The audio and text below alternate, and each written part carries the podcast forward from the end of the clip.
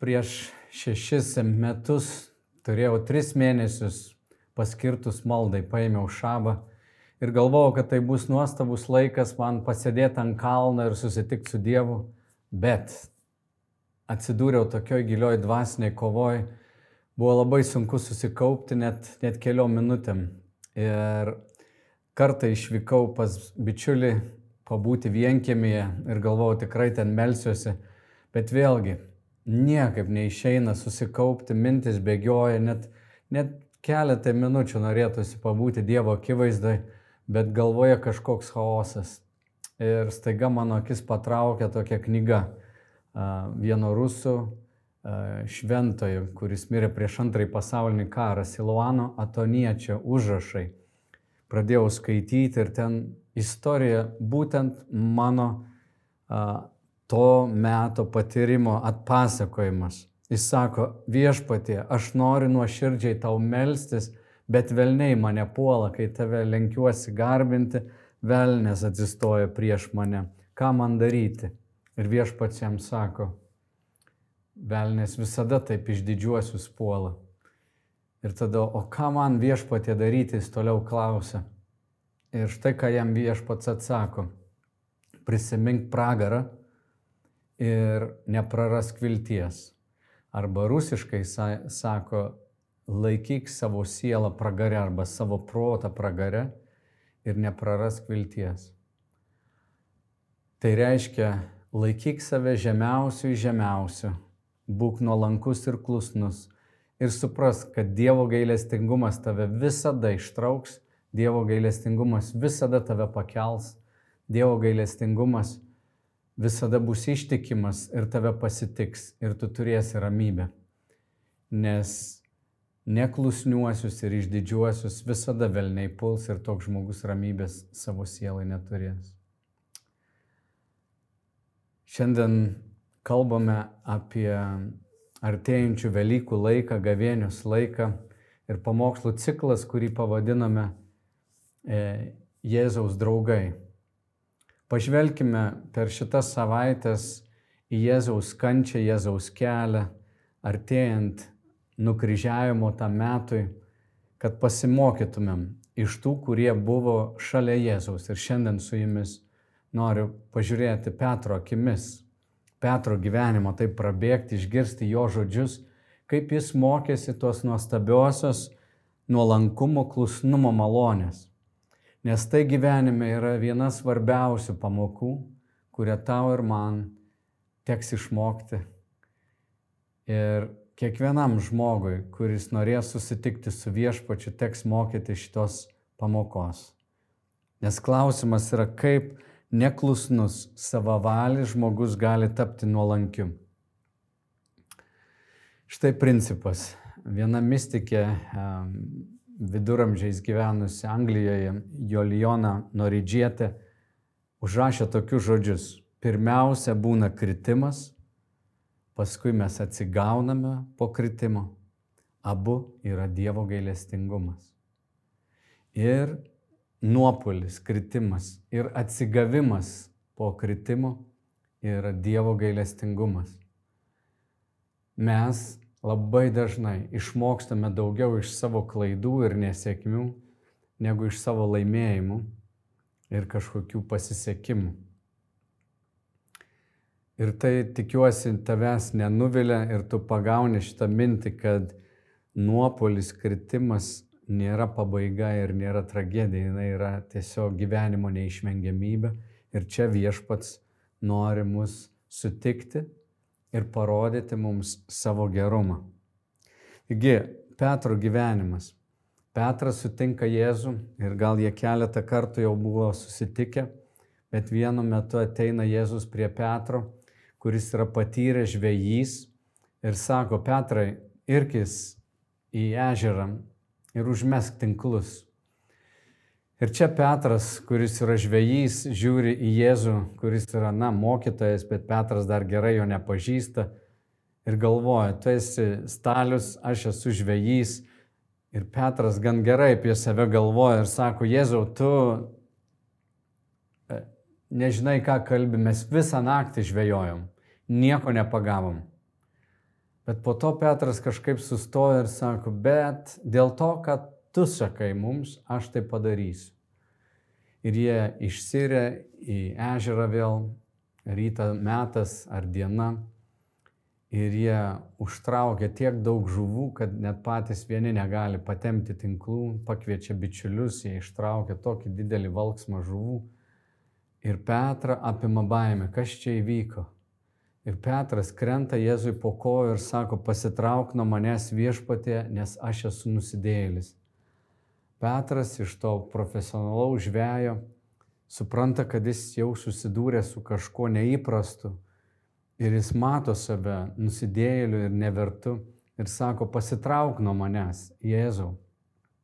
O Jėzus jam atsako, Petrai, nebijok, nuo šiol žmonės žvėjos. Ir Jėzus pakelia Petrą į kitą lygmenį. Iš tiesų mes visada susitiksime su Dievu būdami nuolankus kažkokiu būdu ar gyvenimo pažeminti ar šiaip. Dievo malonė duoda mums suvokti savo nepakankamumą ir tai visiškai nėra depresuojanti mintis arba tokia į nevilti vedanti mintis, bet kaip gera žinoti, kūriniui, kad jis yra tik kūrinys, jis nėra valdovas, jis nevaldo visko. Tas nusižeminimas traukia Dievą, nes štai principas. Dievas priešinasi išdidiesiems, o nuolankiesiems teikia dar didesnę malonę. Ir kaip Petras sako, viešpatė pasitrauk nuo manęs, aš nusidėjėlis, Dievas pakelia Petrą į kitą lygmenį ir čia jis gauna pašaukimą tapti žmonių žvėju. Čia yra Evangelijos žinia. Evangelijos žinia yra, kad mes esam daug didesni nusidėjėliai, bjauresni žmonės, nei mes drįstame savo pripažinti. Dievo akimi žvelgianti mus, na, mes esam tikrai sulinkę, sugedę. O Evangelijos žinia kita pusė yra, kad mes esam daug labiau mylimi, nei mes galime įsivaizduoti. Mūsų viešpats taip pamilo, kad kai žvelgia į mus, Nėra jo akise pasmerkimo, vien atjauta, žinojimas, kad mes atėjome šiai sužeistą pasaulį, patys buvom sužeisti, esam sužeisti ir Dievas iš savo malonės gali mus perkeisti ir paversti mūsų nesėkmes laimėjimu. Kitas epizodas Petro gyvenime. Jėzus kreipėsi mokinius sakydamas, kuo jūs mane laikot? Prieš tai mokiniai pasako, ką kiti galvoja apie Jėzų. Ir čia Jėzus užduoda klausimą, ko jūs mane laikot? Na ir ne vienas neturi atsakymų. Petras irgi neturi atsakymų.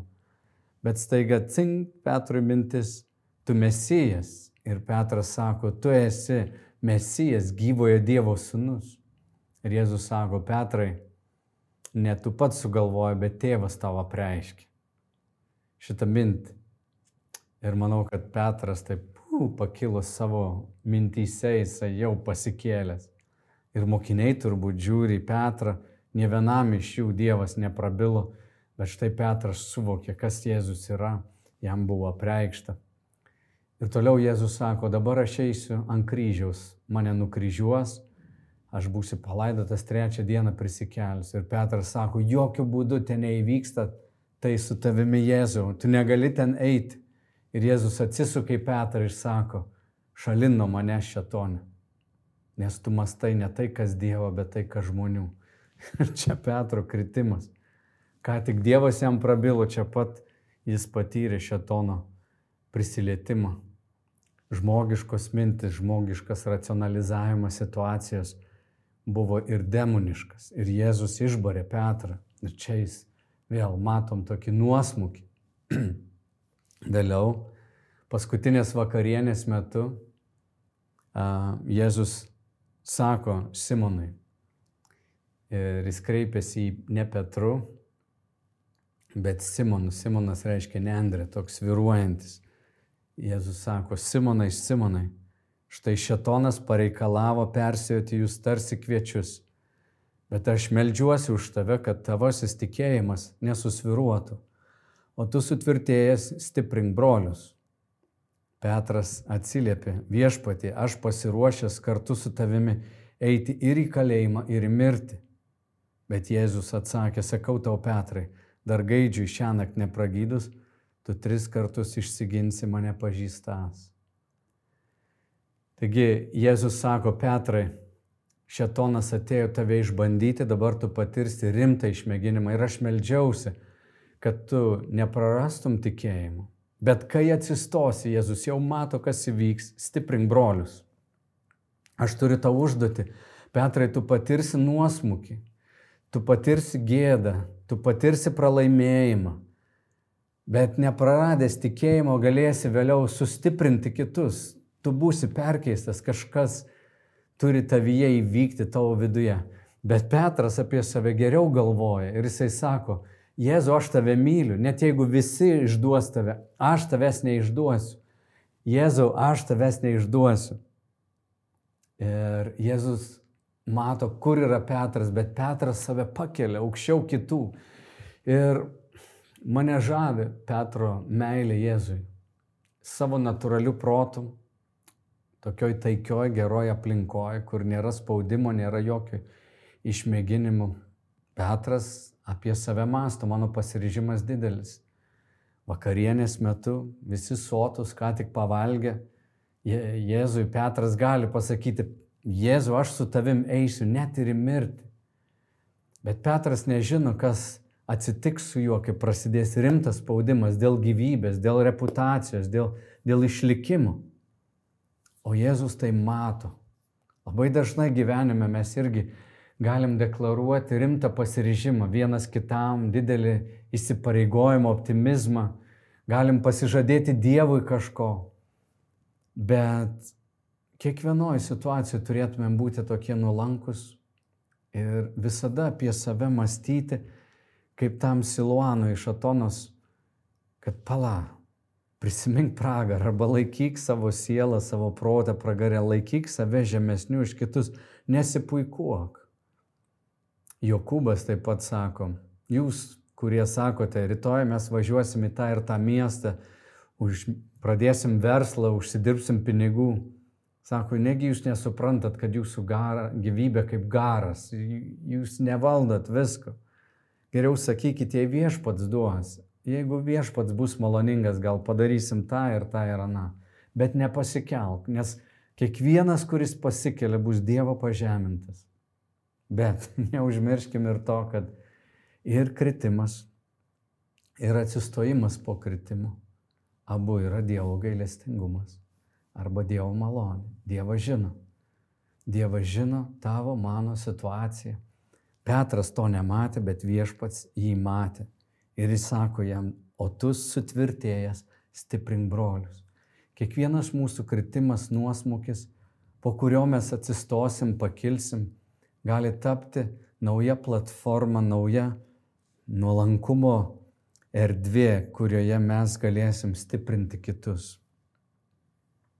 Štai po prisikėlimo, kai Petras išdavė Jėzų ir jūs atsimena turbūt tą, tą Velykų laikotarpį, ar ne, Pascha Jeruzalėje, Petras yra toj teismo salėje, nelegalus teismas vyksta naktis, Nedrionas surinktas aukščiausias žydų teismas Ir ten vienas žmogus sako, Petrai, aš tave ten mačiau.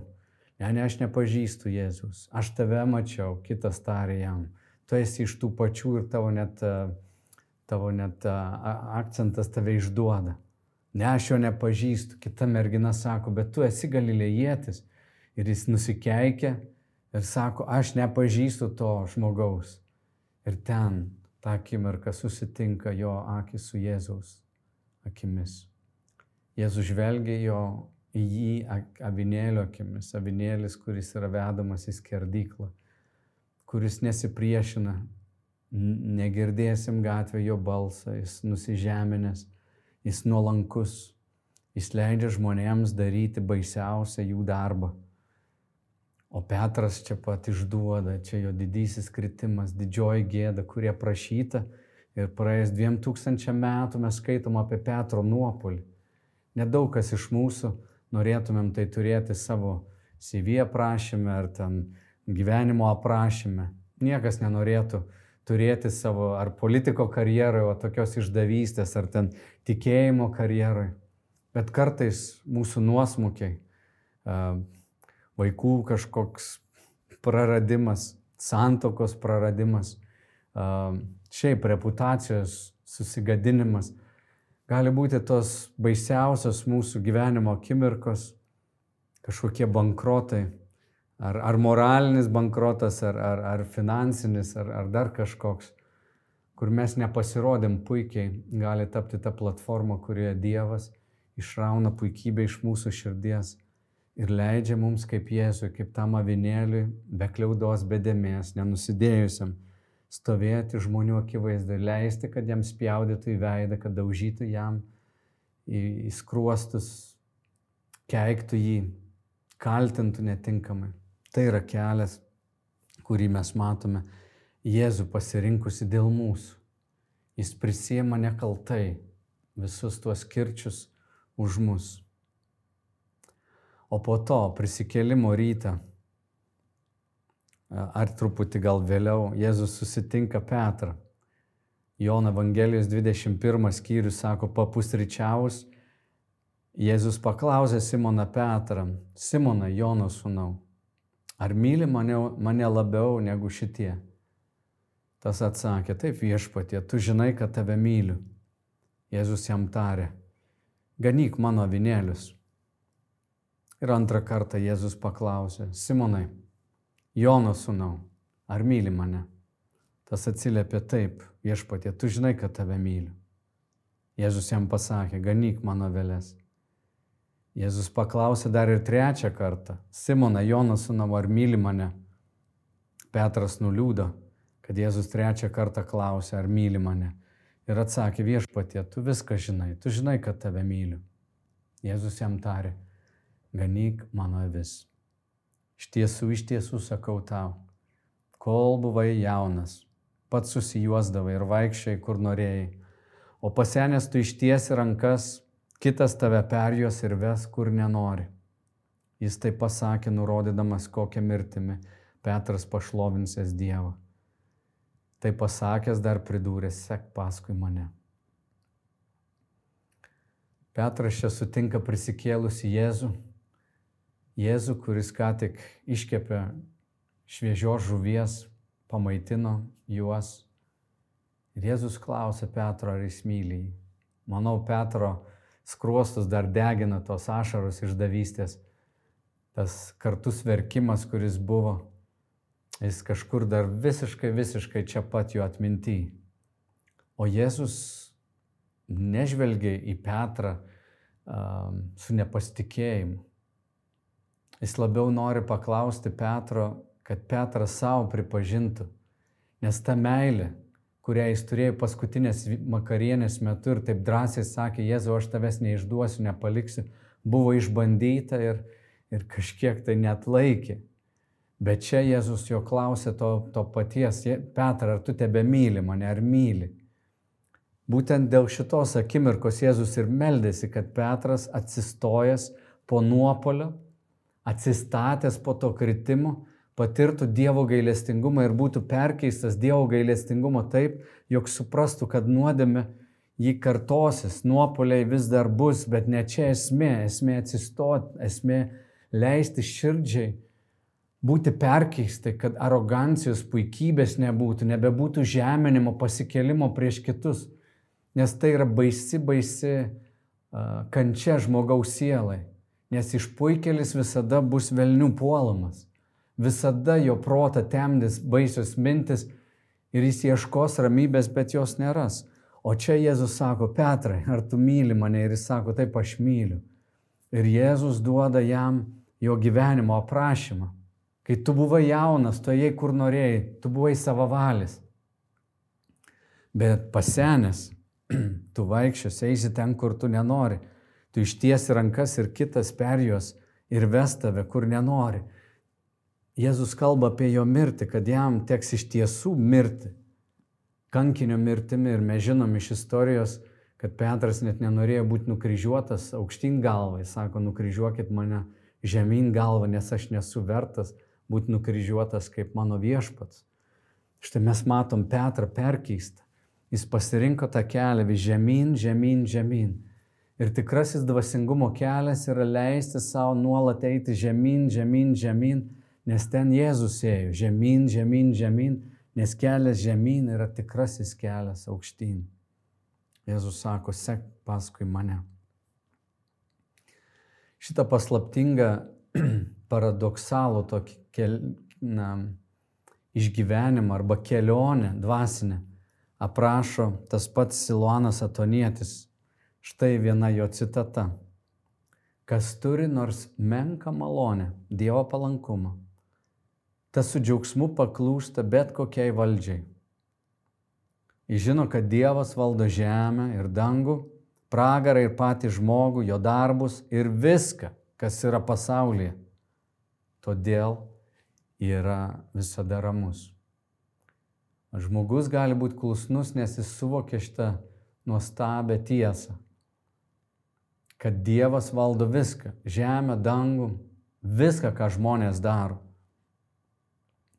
Klusnusis atsidavė Dievo valiai ir nebijo mirti, nes jo siela pripratusi gyventi su Dievu ir jį myli. Jis atsižadėjo savo valios, todėl nei jo sieloje, nei kūne nebevyksta tokia kova, kokia komuoja neklusnų ir savavalių žmogų. Žmogus, kuris pasidavė Dievo valiai ir suvokė, kad ne viskas, kas atsitinka šitam gyvenime, turėtų atsitikti. Idealiam pasauliui, tobulam pasauliui daug kas neturėtų įvykti. Nei išdavystės, nei, nei išprievartavimai, nei vagystės. Neturėtų vykti. Ir mūsų širdis tai gerai žino. Daug kas neturėtų įvykti. Bet visa, kas įvyksta, buvo Dievo leista. Dievas leido tam įvykti ir Dievas turi savo planą, turi savo kažkokią um, išeitį, pamokas. Ir klusnusis, kuris tam pasiduoda, suprasdamas, kad jog žmogus negali apeiti Dievo, bet visa, kas įvyksta, kažkokiu būdu gavo Dievo leidimą, yra ramus. Bet žmogus, kuris yra neklusnus ir savavalis, niekada neturės šitos ramybės. Ir jeigu tavo sieloje nėra ramybės, pažiūrėk, ar nėra tavo širdis pasikėlusi, ar nėra tavo širdie net leidimo, ar nėra tavo širdie na, pasirinktas kitas kelias, kad aš to nenusipelniau, kažkas sugadino man gyvenimą, su manim netinkamai pasielgi. Nes principas yra toks, mūsų sužeidžia ne tai, kas su mumis įvyksta, ne tai, ką mums padaro, bet tai, kaip mes interpretuojam tą įvykį, kuris atsitiko su mumis. Ir vienam tėtis gali pliukštelti per užpakalį ir, ir, ir jis nueis, sakys, oi, tėčiui kažką užkliuvau, bet tėtis mane myli, o kitas pasakys, aš nevertas. Kodėl su manim tai pasielgi? Ir kartais mes, na, tampame aukomis tų įvykių, nes klaidingai juos interpretuojam, tai tampa mūsų trauma, mūsų sužeidimu.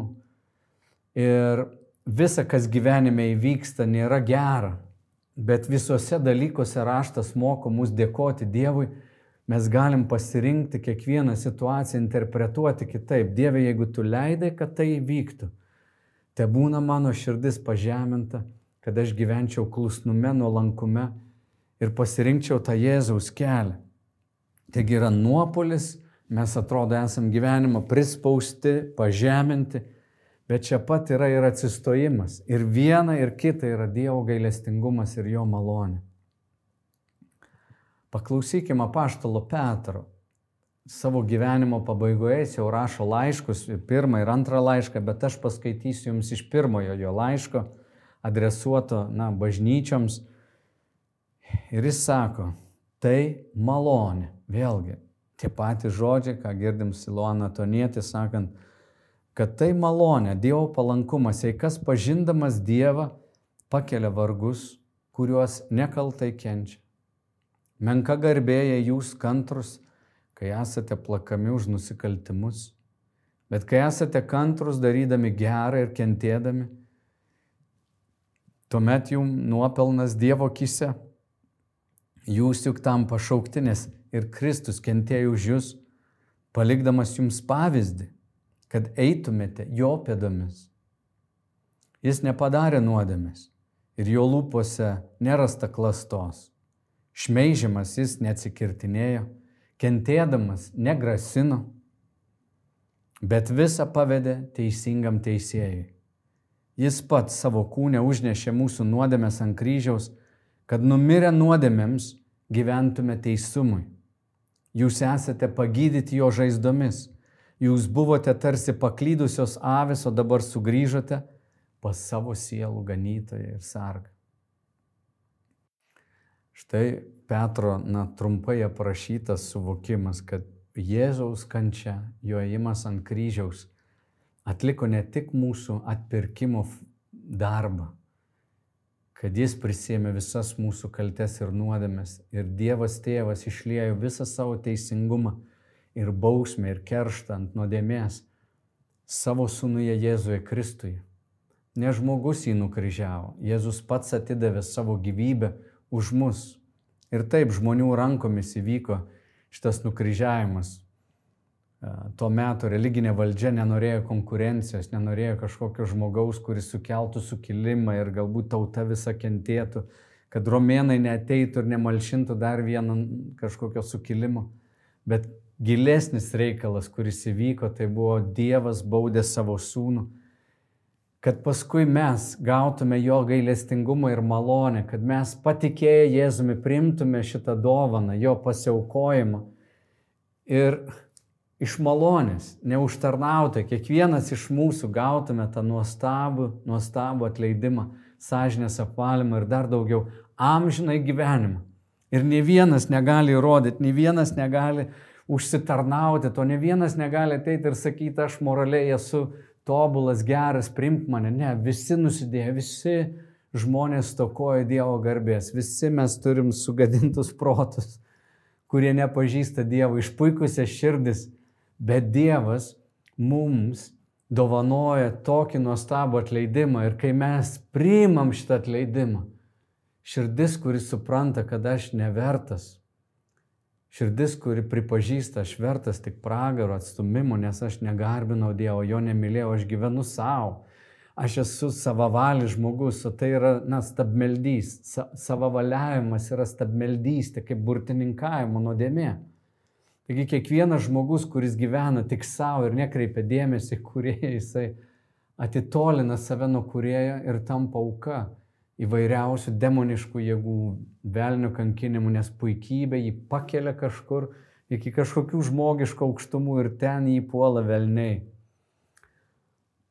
O kai mes nusižeminam ir sakom, Dieve, mes iš malonės tavo esam išgelbėti ir gaum dovanai atleidimą, mes atrandame savo širdise tuos nuoširdžius trupinėlius meilės Dievui, dėkingumo, kuris nuoširdžiai kyla jam.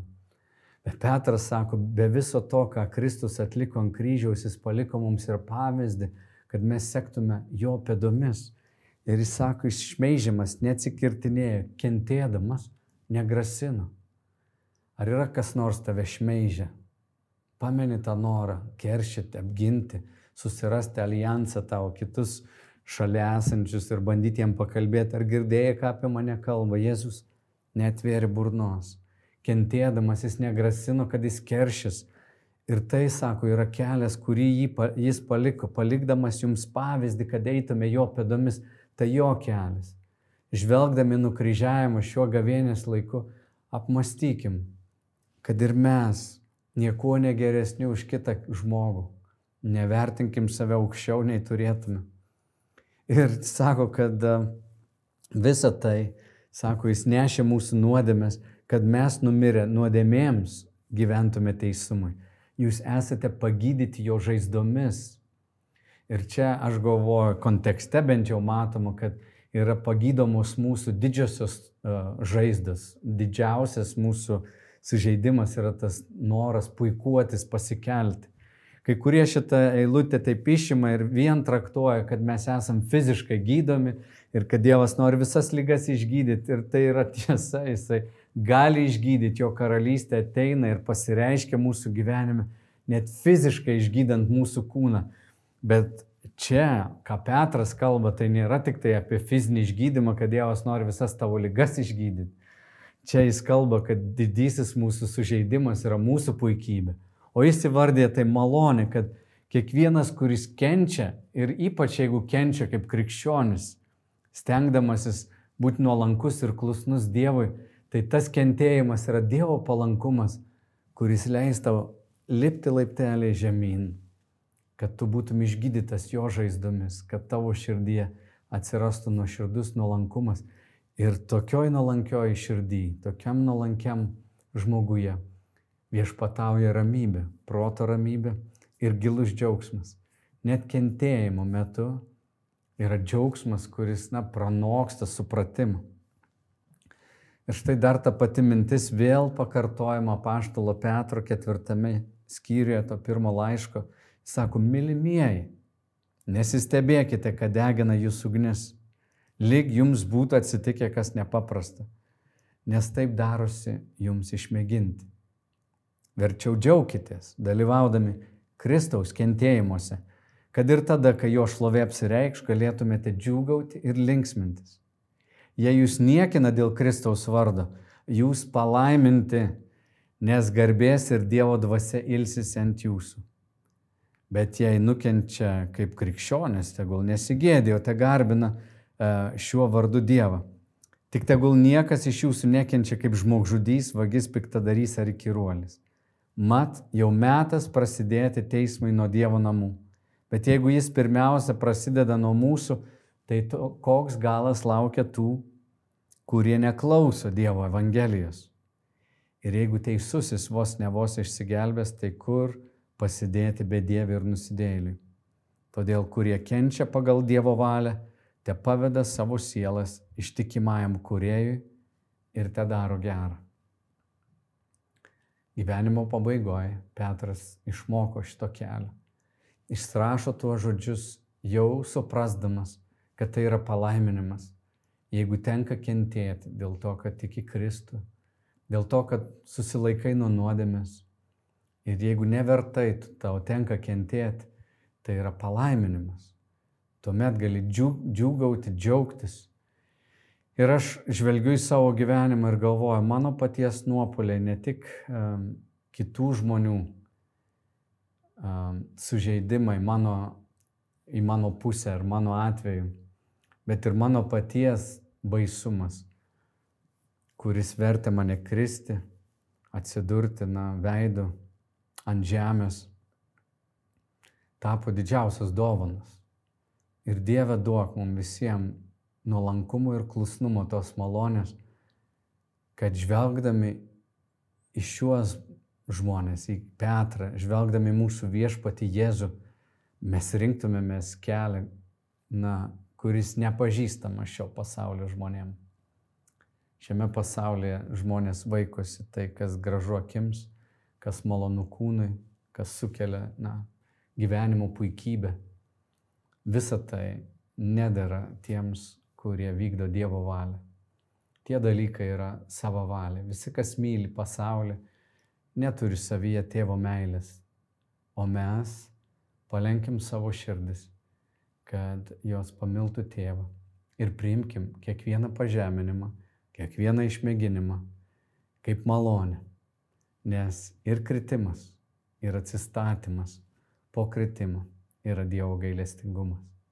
Todėl šventoji dvasia, aš melžiuosi už kiekvieną, kuris girdėjo šiuos žodžius, girdi juos, kad kai mes būsim gundomi ginti savo bylą, keršyti, atsikirsti žodžiais, turėtumėm malonės, tavo palankumą, pakentėti savo protę, prisiminti pragarą, prisiminti savo pačių trūkumus ir nuodėmes. Ir klusnume ir pasidavę tavo valiai priimtume kiekvieną rykštės smūgį, kiekvieną kirtį, koks bebūtų leista šitam gyvenimą mums patirti, kad visa tai padarytų mus panašesnius į tave Jėzų. Ir mes taptume klusnesni.